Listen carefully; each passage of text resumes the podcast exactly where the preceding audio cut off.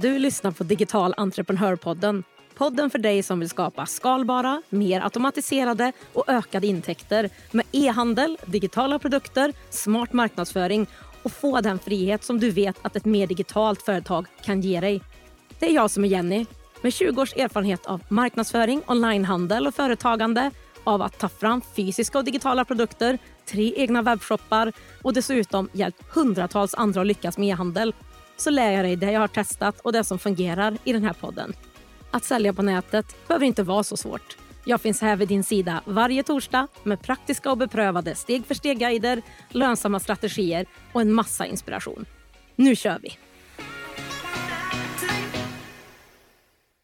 Nu är julen snart här och vi som e-handlare vi har sålt på så mycket som vi har kunnat med de produkter vi har. Men vad händer med den här nya produkten när den har använts klart eller tröttnats på? Eller den eventuella produkt som den här nya byter ut? Begagnatmarknaden online förväntas växa med över 20 procent de kommande fem åren. Och tänk om du som e-handlare kunde dra nytta av den här utvecklingen samtidigt också som du blir mer hållbar. Dagens gäst, Karin Renberg från startupen Revive Retail, brinner för att utveckla cirkulär e-handel och har ihop med sin kollega tagit fram ett sätt för e-handlare som ska kunna själv då addera på en cirkulär inkomstkälla i sin webbshop. Spännande, eller hur? Jag låter henne berätta mer själv. Hej Karin och varmt, varmt välkommen till Digital entreprenörpodden. Vad härligt att ha dig här. Ja, men tack, jättespännande att vara här.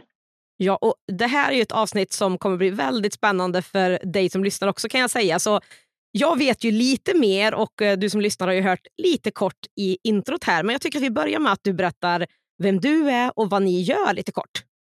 Ja men kul. Eh, men jag heter Karin Weberg och tillsammans med min medgrundare Katrin Fogelberg så driver vi startupen Revive Retail. Och jag och Katrin vi träffades för ett år sedan. Tiden flyger när man har roligt i en eh, startup-inkubator som heter Antler. Och vi brann båda för det här med cirkulära affärsmodeller. Och det är det vi jobbar med idag. Vi har ju som mål att hjälpa e-handlare idag att ge sig in på den här boomande begagnat-marknaden som tidigare har varit ett helt parallellt spår. Vi vill kunna få det att bli på samma ställe. Och jag kan ju berätta lite mer där om, om marknaden och jag tror nog att lyssnarna här eh, känner till mycket av det här själva, men det är ju en marknad som växer jättesnabbt idag. Begagnathandeln växer ju fem gånger snabbare än den här traditionella linjära e-handeln när man säljer saker en gång. Men det är också en väldigt, vi kallar det en hög friktion. Alltså köpare och säljare möts ju individuellt i ett virrvarr av produkter och plattformar såsom Facebook Marketplace och Tradera. Men det är en ganska obekväm upplevelse både för köpare och säljarna. Eh, säljarna ska kommunicera med kanske röriga köpare, man ska sätta pris, man ska ladda upp bilder.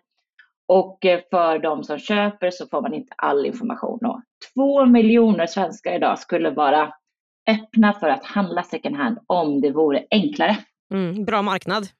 Ja, verkligen. Och det som vi tycker är spännande är ju att idag står ju e-handlarna, eh, allt från någon som har en liten webbshop till stora e-handlare, de står ju helt utanför det här. De förstår att här, vi måste ge oss in, man vill ge sig in, men eh, man har många barriärer. Man är orolig för logistik, administration, vi måste ha ett nytt tech-setup, man kanske har flaskhalsar där. Och det är därför vi har eh, skapat då vår lösning som ska vara helt integrerad på existerande plattformar och framförallt också vara lönsam för de e-handlare och eh, shoppar som säljer. Så det är det vi jobbar med och alltså det är så spännande. Vi ser ett jättesug för den här typen av lösningar. Så ah, spännande!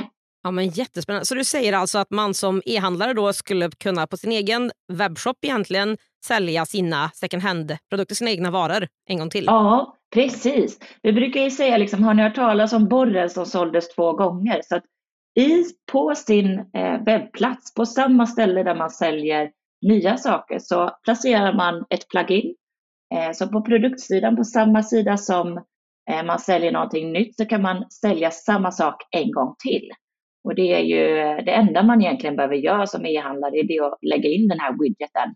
Och eh, sen säljer man eh, då är egentligen möjlighet för ens före detta kunder att lägga upp det som man, ja, jag kan prata mycket om det här, men det är en, vi kan snacka mer om lösningar sen, men precis på samma ställe som eh, alltså på sin plattform idag så integrerar man de här små widgetsarna som möjliggör ett helt nytt cirkulärt flöde för, för dig som e-handlare.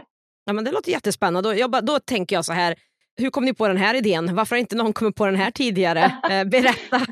alltså det är så roligt där. Vi är ju liksom mycket inne i startup-världen och många säger så här, men it's a no-brainer. Liksom. Varför har ingen gjort det här tidigare?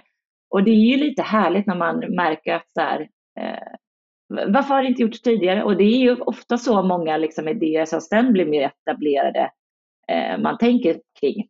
Men vi, eh, vi träffades ju då på den här inkubatorn Antler.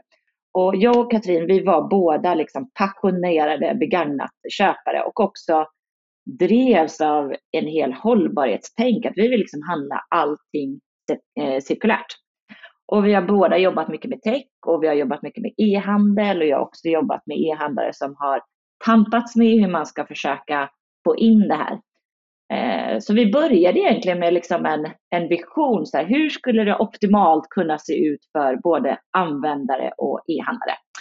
Och sen eh, utvecklade vi en prototyp, alltså en, kan man säga, en icke-fungerande lösning, men liksom bild av hur det kan se ut som vi Eh, bollade med jättemånga e-handlare. Vi har nog säkert pratat med hundra e-handlare, fick deras input, itererade och så landade vi i en lösning som vi sa, det här är värt att börja utveckla.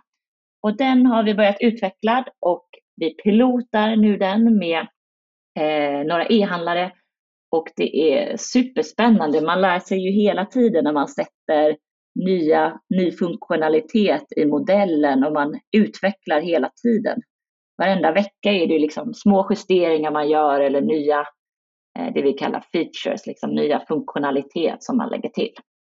Jag undrar bara så här, hur är det att vara en startup inom den här e-handelsvärlden och har ni investerare och sådär? Hur, hur funkar det för er?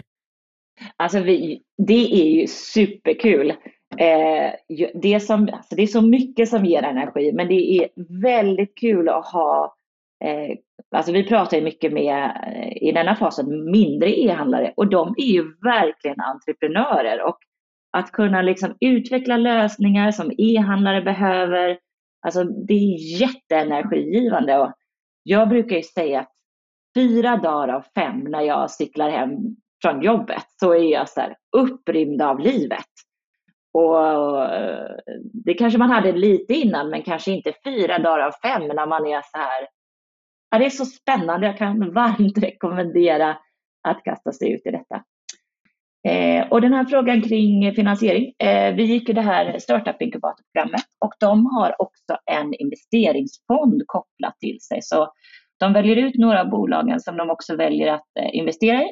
Eh, så vi har fått investering från dem som gör det möjligt för oss att tuta och köra. Och sen eh, kommer vi nog också ta en ny investeringsrunda här till våren. Mm, spännande. Nej, men det där är ju alltid roligt att höra alla olika vägar från början. Så där. Och gick ni då liksom från fasta anställningar eh, in i det här? Eller, och liksom, i så fall, hur kändes det? Var det självklart? ja, alltså det där är, är ju roligt, för många säger ju så här, ja man blir modiga om man eh, lämnar en fast anställning och så där. Men det sker ju liksom steg för steg. Liksom. Det för, första steget är ju liksom att ha kanske något sug efter något annat. Men det är inte så att man behöver liksom från första dagen, nu säger jag upp mig med liksom ett blankt blad, utan det kanske börjar med att man tar tjänstledigt, man kanske går, som vi gjorde, ett sånt här startup-program. Eh, och sen tror jag också, som jag tänker att många som lyssnar på den här podden också är, att man, man dras kanske till spänning och vill testa nya saker. Och jag har lite kanske olika bakgrund där, men från mitt håll så, jag har bott mycket utomlands och det har gett en sån här stor eh, stor leverans på liksom spänning. Man ska ju liksom eh, hitta ett nytt liv, lära sig nytt språk, ha nya jobb. Eh, men sen när jag flyttade tillbaka till Sverige för några år sedan så jag hade jag jättebra jobb som jag trivdes med, men jag kände att jag behövde lite mer spänning i mitt liv.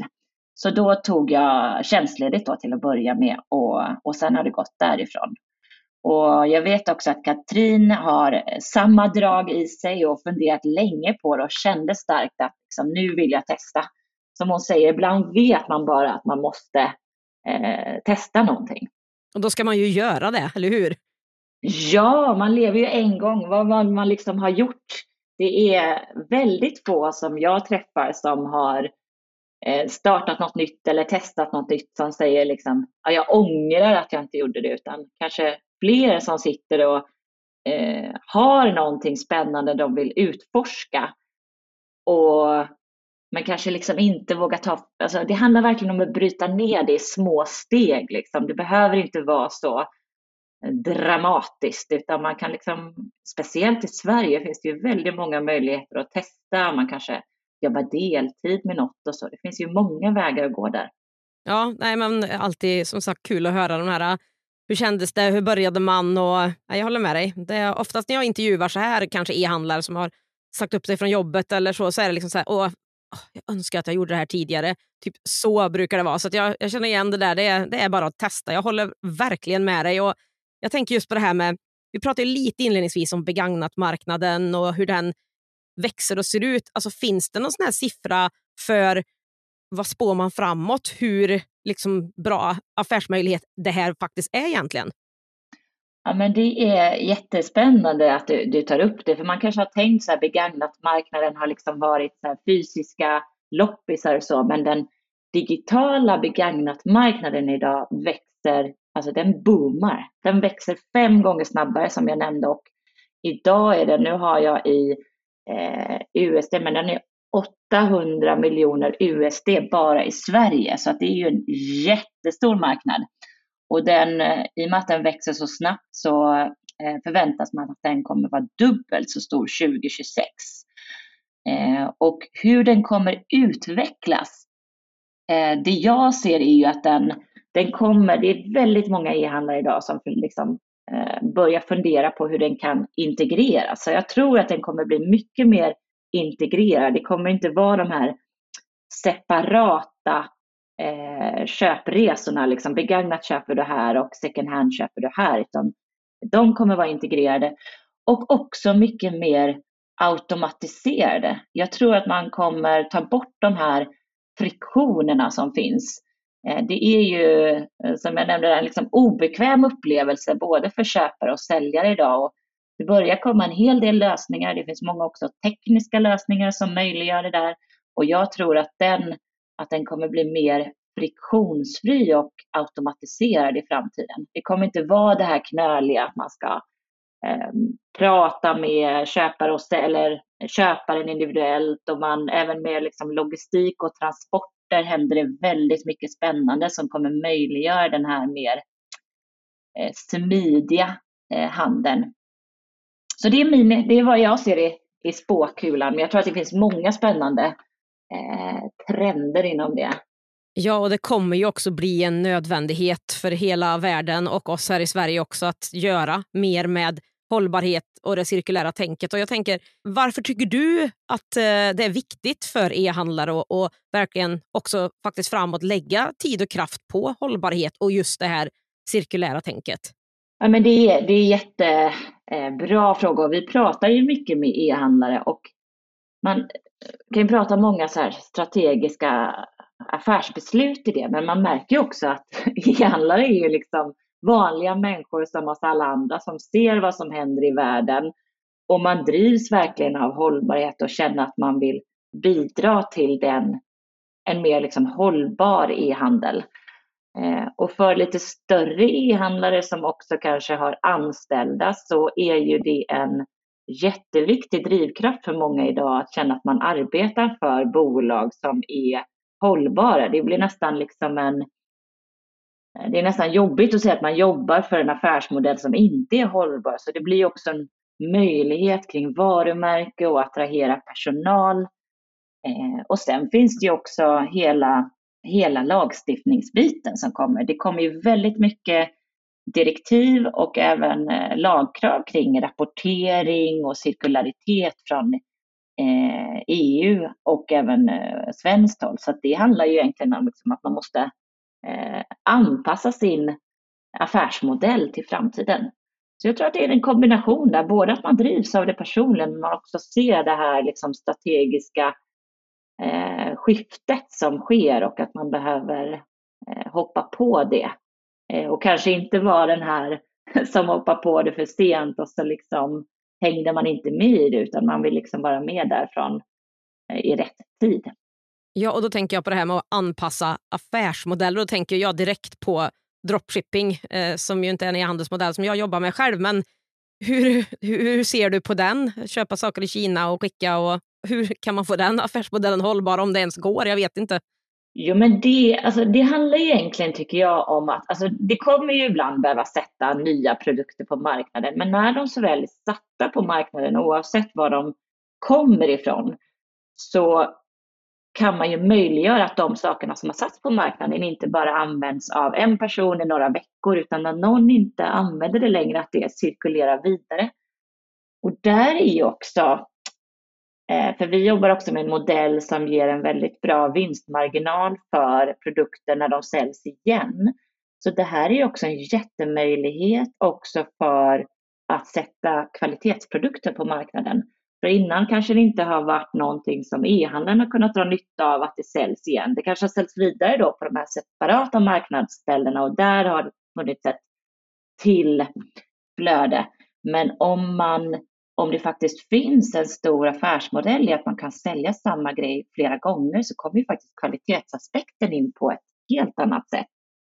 Eh, och det sker ju en, en stor omställning just nu, ett helt nytt köpbeteende. Och jag brukar till och med jämföra detta lite med, eh, jag har ju varit med ett tag inom e-handeln och det var ju när man gjorde den här omställningen från fysisk butik till e-handel så pratade man om att eh, att de skulle liksom, att det fanns en risk att gå över till e-handel för det skulle liksom ta försäljning från butik.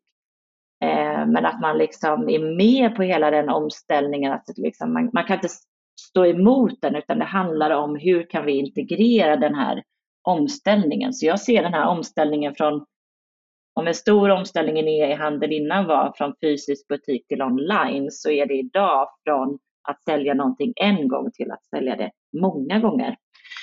Eh, sen just dropshipping och från Kina för att koppla tillbaka där till din kanske initiala fråga. Jag tror det handlar ju mycket om vad det är för produkter, att det är bra saker. Det görs ju bra saker i, i Kina också, men om, om vi har fraktat dem hit, att det är produkter som ska kunna användas flera gånger, att det inte blir liksom, ibland finns det ju en, en lite sådär eh, kvalitetsaspekt i vissa av produkterna som man sätter på marknaden. Om de bara är gjorda för att liksom användas en väldigt kort tid. Nej, för det är klart att det är mycket i det, för då kan man ju se det som ett bra komplement till sin affärsmodell, tänker jag, om man har e-handel. Ja, många av de olika delarna inom e-handel, där kan ju det här faktiskt, som du säger, hjälpa till med. Och jag tänker hållbarhet för en e-handlare. Du har ju jobbat också med e-handel hur kan man som e-handlare jobba och tänka mer hållbart i olika stegen i sin e-handel? Och jag tänker mer så här idéer och tankar kring ja, men allt brett, tillverkning, transport och så vidare, liksom inte bara eftermarknaden om man säger. Mm. Ja, men det är jag har också jobbat många år som uh, hållbarhetschef för en, en, ett stort producerande bolag och det finns ju jättemånga steg i den här processen som man eh, kan tänka på. Man kan ju redan, om man är ett företag som designar och producerar produkter, så kan man ju redan i designprocessen fundera kring kvalitet av produkterna och att man designar produkter som går att laga till exempel. Eh, när det sen kommer till produktion så är det ju såklart att man använder hållbara material, bra leverantörer som har koll på till exempel energieffektiv produktion och kemikalier och avfall och så vidare. Och sen är det ju den här transportbiten och eh, det är ju eh, jättebra med miljövänliga transporter. Dock så är det ibland, jag tror det här med transporter har en liksom stor visuell bild för, för, för eh, köpare eller för kunder. Eh, men om man ibland tittar på livscykelanalyser av produkter så är faktiskt inte transporter en så stor del. Man kan självklart jobba där, men ibland, det är ofta ännu större påverkan att fundera kring de här design och produktion och speciellt också användandet. Kan det lagas, återvinnas? Eh, det finns ju olika sektorer där, men till exempel om man är inom klädindustrin så är det till exempel att man uppmuntrar hur man kan tvätta plagg på ett bättre sätt eller hur man kan använda mer energieffektiva sätt att torka kläder och så vidare. Och sen är det ju såklart det vi kallar liksom post purchase, att det återvinns och cirkuleras och den biten när man inte använder det med.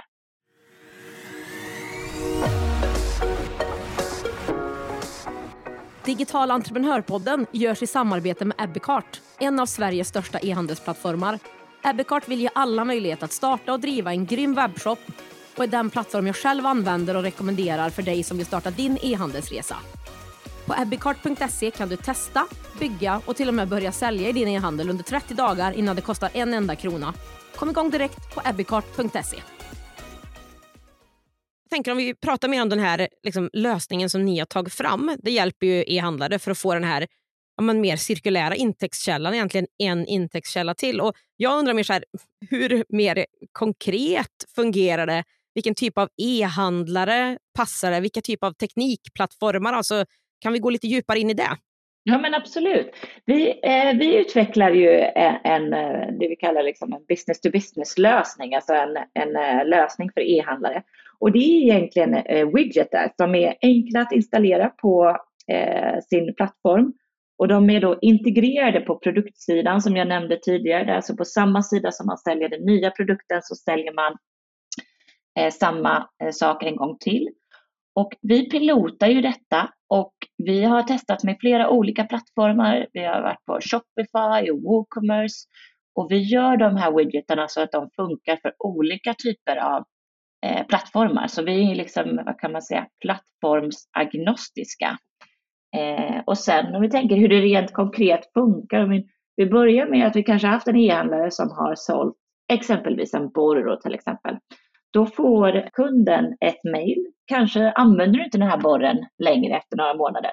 Och om så är fallet så klickar de bara på den här länken i widgeten de har fått. Och där eh, laddar de upp sin borr och de behöver inte ta några bilder eller skriva någon text. De bara berättar vilket skick det är. Och då är den här borren nu live i, i sortimentet igen.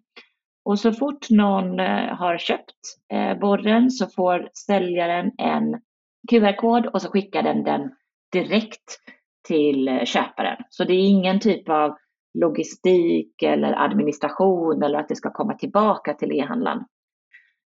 Och så den som, som köper går ju in på plattformen och på produktsidan och på samma ställe då som man köper det nya så kan man se om det finns eh, tidigare kunder som har lagt upp sin borr som begagnat och då kan man köpa den eh, som begagnat på samma ställe. Och det, det är egentligen också, i och med att det inte är någon logistik eller administration, inget varuhus, alltså varuhus nu är engelska warehouse, alltså inget lager som man behöver ha.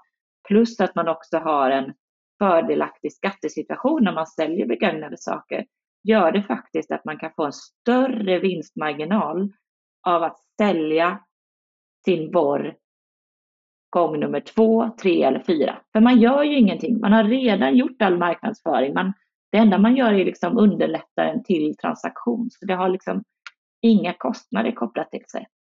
Den som laddar upp den här och vill sälja den igen, som har köpt den en gång, alltså kund, eller liksom köparen då. Där, hur bestämmer den själv pris eller vad, görs det av plattformen eller hur funkar det?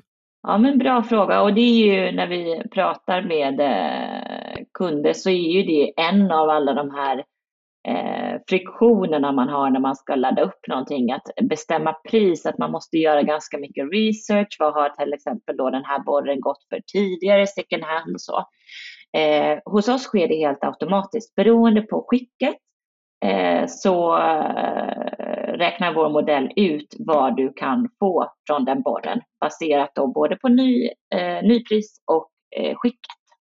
Ja, men det är jättesmart, eh, för då, som du säger, då laddar man upp och så vet man det är det här jag får eller inte. Men jag tänker, ja, det är säkert vanliga frågor ni får också, men om vi tittar på borren där då, som exempel med garantier och sånt. Räknar, tittar den den är två år eller du har två års garanti och det är ett år kvar eller är det mer bara inga garantier alls eller hur? Ja men det är jättespännande. Där ser vi en jättepotential. Eh, det är ju ett helt område som liksom börjar växa här också, garantier kring begagnade prylar. Eh, det kan ju vara så att man har en garanti kvar och det tittar vi på hur skulle vi kunna liksom integrera det. Men vi testar faktiskt just nu att också börja erbjuda garanti på begagnade saker för att är det kvalitetsprodukter och bra saker så finns det jättepotential att kunna erbjuda garanti även för begagnade saker. Så det är någonting som vi tittar in på idag och testar. Så det kanske plattformen, er plattform egentligen då skulle kunna addera på det köpet som hjälper e-handlaren då egentligen?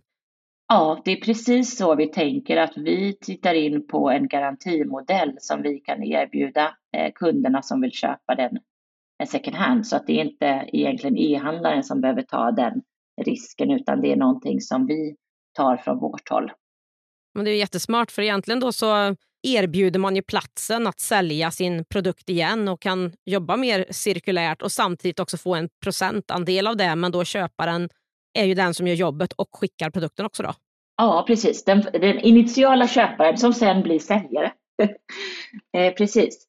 Och där, det är ju, tycker jag, väldigt eh, spännande att det händer mycket också inom logistik idag. Idag finns ju det vi kallar liksom kund till kund eh, lösningar, till exempel med Postnord, att man får en QR-kod och både från ett miljöhåll att den inte ska skickas tillbaka till ett lager och skickas ut igen men också många, vissa e-handlare som vi har pratat med som har kanske testat någon sån här take back-metod i butik. Eh, det blir ju mycket jobb för liksom, eh, den som ska sälja den igen, att åka in till butiken eller skicka den till butiken och sen är det mycket administration för e-handlaren att liksom bestämma skicken, paketera om, få in det i sina system och sen ska de då skicka ut igen. Så att den här kund till kund-logistiken är verkligen en möjliggörare för att få det här flödet på plats. Ja, men en jättespännande spännande lösning och det ska bli otroligt spännande att se vad, ni, vad det, liksom det landar i. Nu blir man ju aldrig färdigutvecklad i någonting utan det kommer ju komma jättemycket mer grejer men det känns så smidigt för webbshopsägaren. Det tror jag blir en förutsättning i det här för att det lätt ska kunna bara vävas in och kompletteras i sin affärsmodell. Så jag tycker det låter jättespännande. Och jag tänker bara så här, går det på något sätt att se, räkna ut, tänka ut hur mycket ökade intäkter man skulle kunna få genom att arbeta mer cirkulärt i sin e-handel? Ja, det är ju jättespännande. Om man ska säga så här, det vanligaste frågan vi får initialt är ju den här risken för kannibalisering. Kommer det här dra ner mina, mina vinstmarginaler? Och där har vi räknat till exempel på den här borren att vinstmarginalen på att sälja det igen blir faktiskt dubbelt så hög. Plus att du då kan bli ett en hållbar e-handlare, du kan ta del av den här snabbt växande marknaden och skapa en helt annan relation med dina kunder, att du liksom erbjuder dem att sälja tillbaka den igen.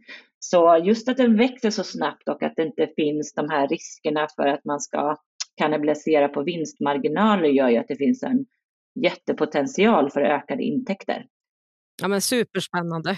Och eh, nu är ju säkert lyssnarna här i väldigt olika branscher, men e-handel eller traditionell e-handel och linjär e-handel idag Eh, går ju ganska trögt idag. Det är ju både det här skiftet men också att man kanske behöver möjliggöra för kunder att Alltså det finns ju ett pristryck idag på grund av inflationen har varit hög och att man har en mindre köpkraft. Så att man kan ju också då ta de kunderna som eh, köper dina produkter på separata marknadsställen, att du kan liksom ta del av den vinsten av de produkterna som du har satt på marknaden, att du tar del av när de köps och säljs flera gånger om senare. Ja, men jättespännande. Sista tankarna kring det här då, liksom lösningen där. Men hur får man tillgång till den här lösningen? Kommer den, är den liksom öppen för alla eller är den i utvecklingsfasen? Eller hur, hur är läget där? Ja men kul, alltså vi är ju, vi är ju igång och pilotar.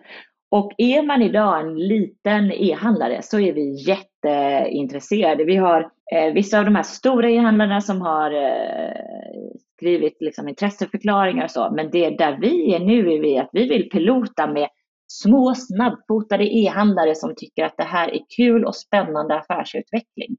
Så är man sugen på att eh, testa det här så är det bara att höra av sig till oss. Vi har idag eh, två e-handlare som vi pilotar med och vi pilotar gärna med fler. Så att eh, idag får man en möjlighet att testa det här kostnadsfritt genom oss om man är sugen på att testa det.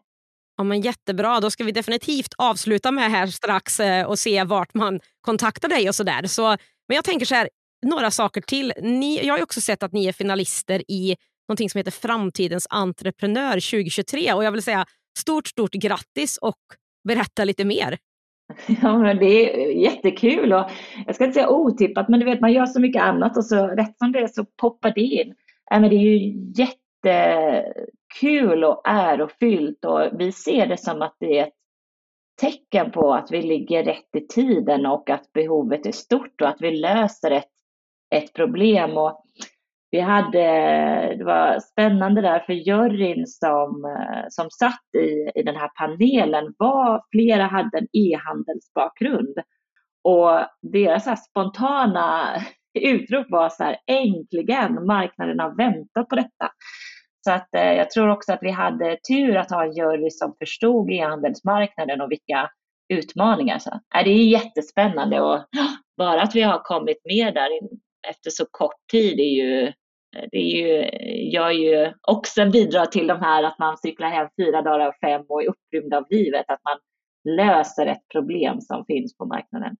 Det är en härlig känsla där när man gör någonting som är som du säger, man går hem eller man har ett leende på läpparna och det liksom ger ju sån energi och boost i ens liv också att ha ett sånt jobb. Ja, verkligen. Alltså, på, jag är ju också intresserad av personlig utveckling och det är ju så härligt att göra saker som man tycker bidrar till någonting bra som man får styra över själv. Och det är värt det alla gånger i livet, eller vad säger alla gånger i, eh, i världen att våga liksom testa den här lite, våga ge sig kanske bort från en, en kanske fast anställning som är bra men som kanske inte eh, man saknar någonting. Och det är ju jättekul när man också får ett erkännande så från, från externa parter. Ja, det förstår jag. När, ehm, meddelas vinnaren i Framtidens entreprenör? Eh, ja, jag, jag tror att det kan ha eh, meddelats redan när den här podden sänds. Men jag vet att om man, vi har redan, eh, vi blev uttagna då till de här tio som gick till semifinal och nu är vi i final, så nu är vi fem i final. Så jag tror att det kommer annonseras i, i början av december, så snart, så det kanske har kommit ut när den här podden sänds. Men vi känner oss redan som vinnare bara att vi har kommit så här långt. Ja, vi håller tummar och tår för er här, det lovar jag. Hoppas, hoppas, hoppas, hoppas. Tack. Om du skulle få dela med dig av ett så här, sista tips inom det här ämnet, vad skulle det vara? Nej, men jag tror att man inte ska vara rädd för den här eh, begagnatmarknaden utan se möjligheterna med detta och göra det på ett sätt som man eh, gör det på sitt egna sätt och vågar liksom titta och lyfta lite på locket vad som finns här. Det är ju verkligen en fantastisk möjlighet för både varumärken och både stora och små e-handlare som jobbar med produkter som man tycker om att kunna få till en affärsmodell där man verkligen kan dra nytta av att de här produkterna man sätter på marknaden kan användas av många och länge. Och det, det kommer ju bli ett måste också. Så är det ju. Mm. Liksom det, som du säger, det kommer lagstiftning och en massa andra saker också. Så ja, men vad roligt. Och nu kommer den här frågan. då. Om man vill veta mer, om man är nyfiken på den här eh, lösningen och kanske också skulle känna sig som att man skulle vilja vara en sån testpilot. Vart hittar man och läser mer? Ja, men kul. Vi är ju aktiva på LinkedIn, så där kan man söka bara på Revive Retail så får man lite eh, se vad som händer hos oss. Och sen har vi en hemsida, reviveretail.se. Där kan man eh, boka in 15 minuter med oss eh, om man vill veta mer eller kolla på hur eh, våra widgets ser ut eller bara bolla cirkulär e-handel. Eh, och man kan självklart mejla oss också, info.reviveretail.se. Och sen har vi också precis satt upp TikTok och Instagram-konton så man kan också söka Revive Retail där. Ja, men vad häftigt. Ja, men, eh, så kul. Stort, stort tack Karin för att du var med i Digital entreprenörpodden och delade med dig av så mycket bra saker. Spännande, det var jättekul att vara här. Älskar att prata om cirkulär e-handel. Ja, men visst är det härligt. Tack, ja verkligen. Bra start på dagen. Ja, verkligen. Då säger vi hej från oss så länge då. Ja, men tack. Hej och lycka till. En sak är klar. Är du e-handlare så är hållbarhet och cirkulär ekonomi någonting som du kommer behöva jobba på och fundera på hur du ska faktiskt ta vidare framåt och löpande. Så vad är din plan? Och visst vore det inte alls så dumt att samtidigt som man blir mer hållbar kan tjäna mer pengar. Win-win helt enkelt. Ja, men innan vi avslutar så vill jag påminna dig om en sak. Vid årsskiftet så kommer priset på mitt program Lönsam onlinekurs att gå upp med 25 procent. Det betyder att du fortfarande har några dagar på dig att investera i den här kursen till det nuvarande lägre lanseringspriset. Den här kursen är för dig som vill förpacka och sälja din kunskap i en proffsigt och snyggt förpackad digital kurs där du istället för att jobba med en-till-en-kunder kan hjälpa många fler samtidigt och bygga upp en skalbar digital resurs i ditt företag. Tro mig, det här är en game changer för dig och ditt företag och om det är så att du vill jobba med mer och skapa mer passiva intäkter. Läs mer på digitalentreprenör.se lonsam onlinekurs. Jag lägger en länk under ifall det där var svårt att uppfatta. Så det är bara att klicka där om det är någonting. Och är det någonting du undrar över så kan du alltid bara skicka med ett meddelande på Instagram eller så. Och det allra sista jag vill säga är att jag önskar dig en riktigt, riktigt fin och härlig jul. Och så hörs vi igen nästa vecka.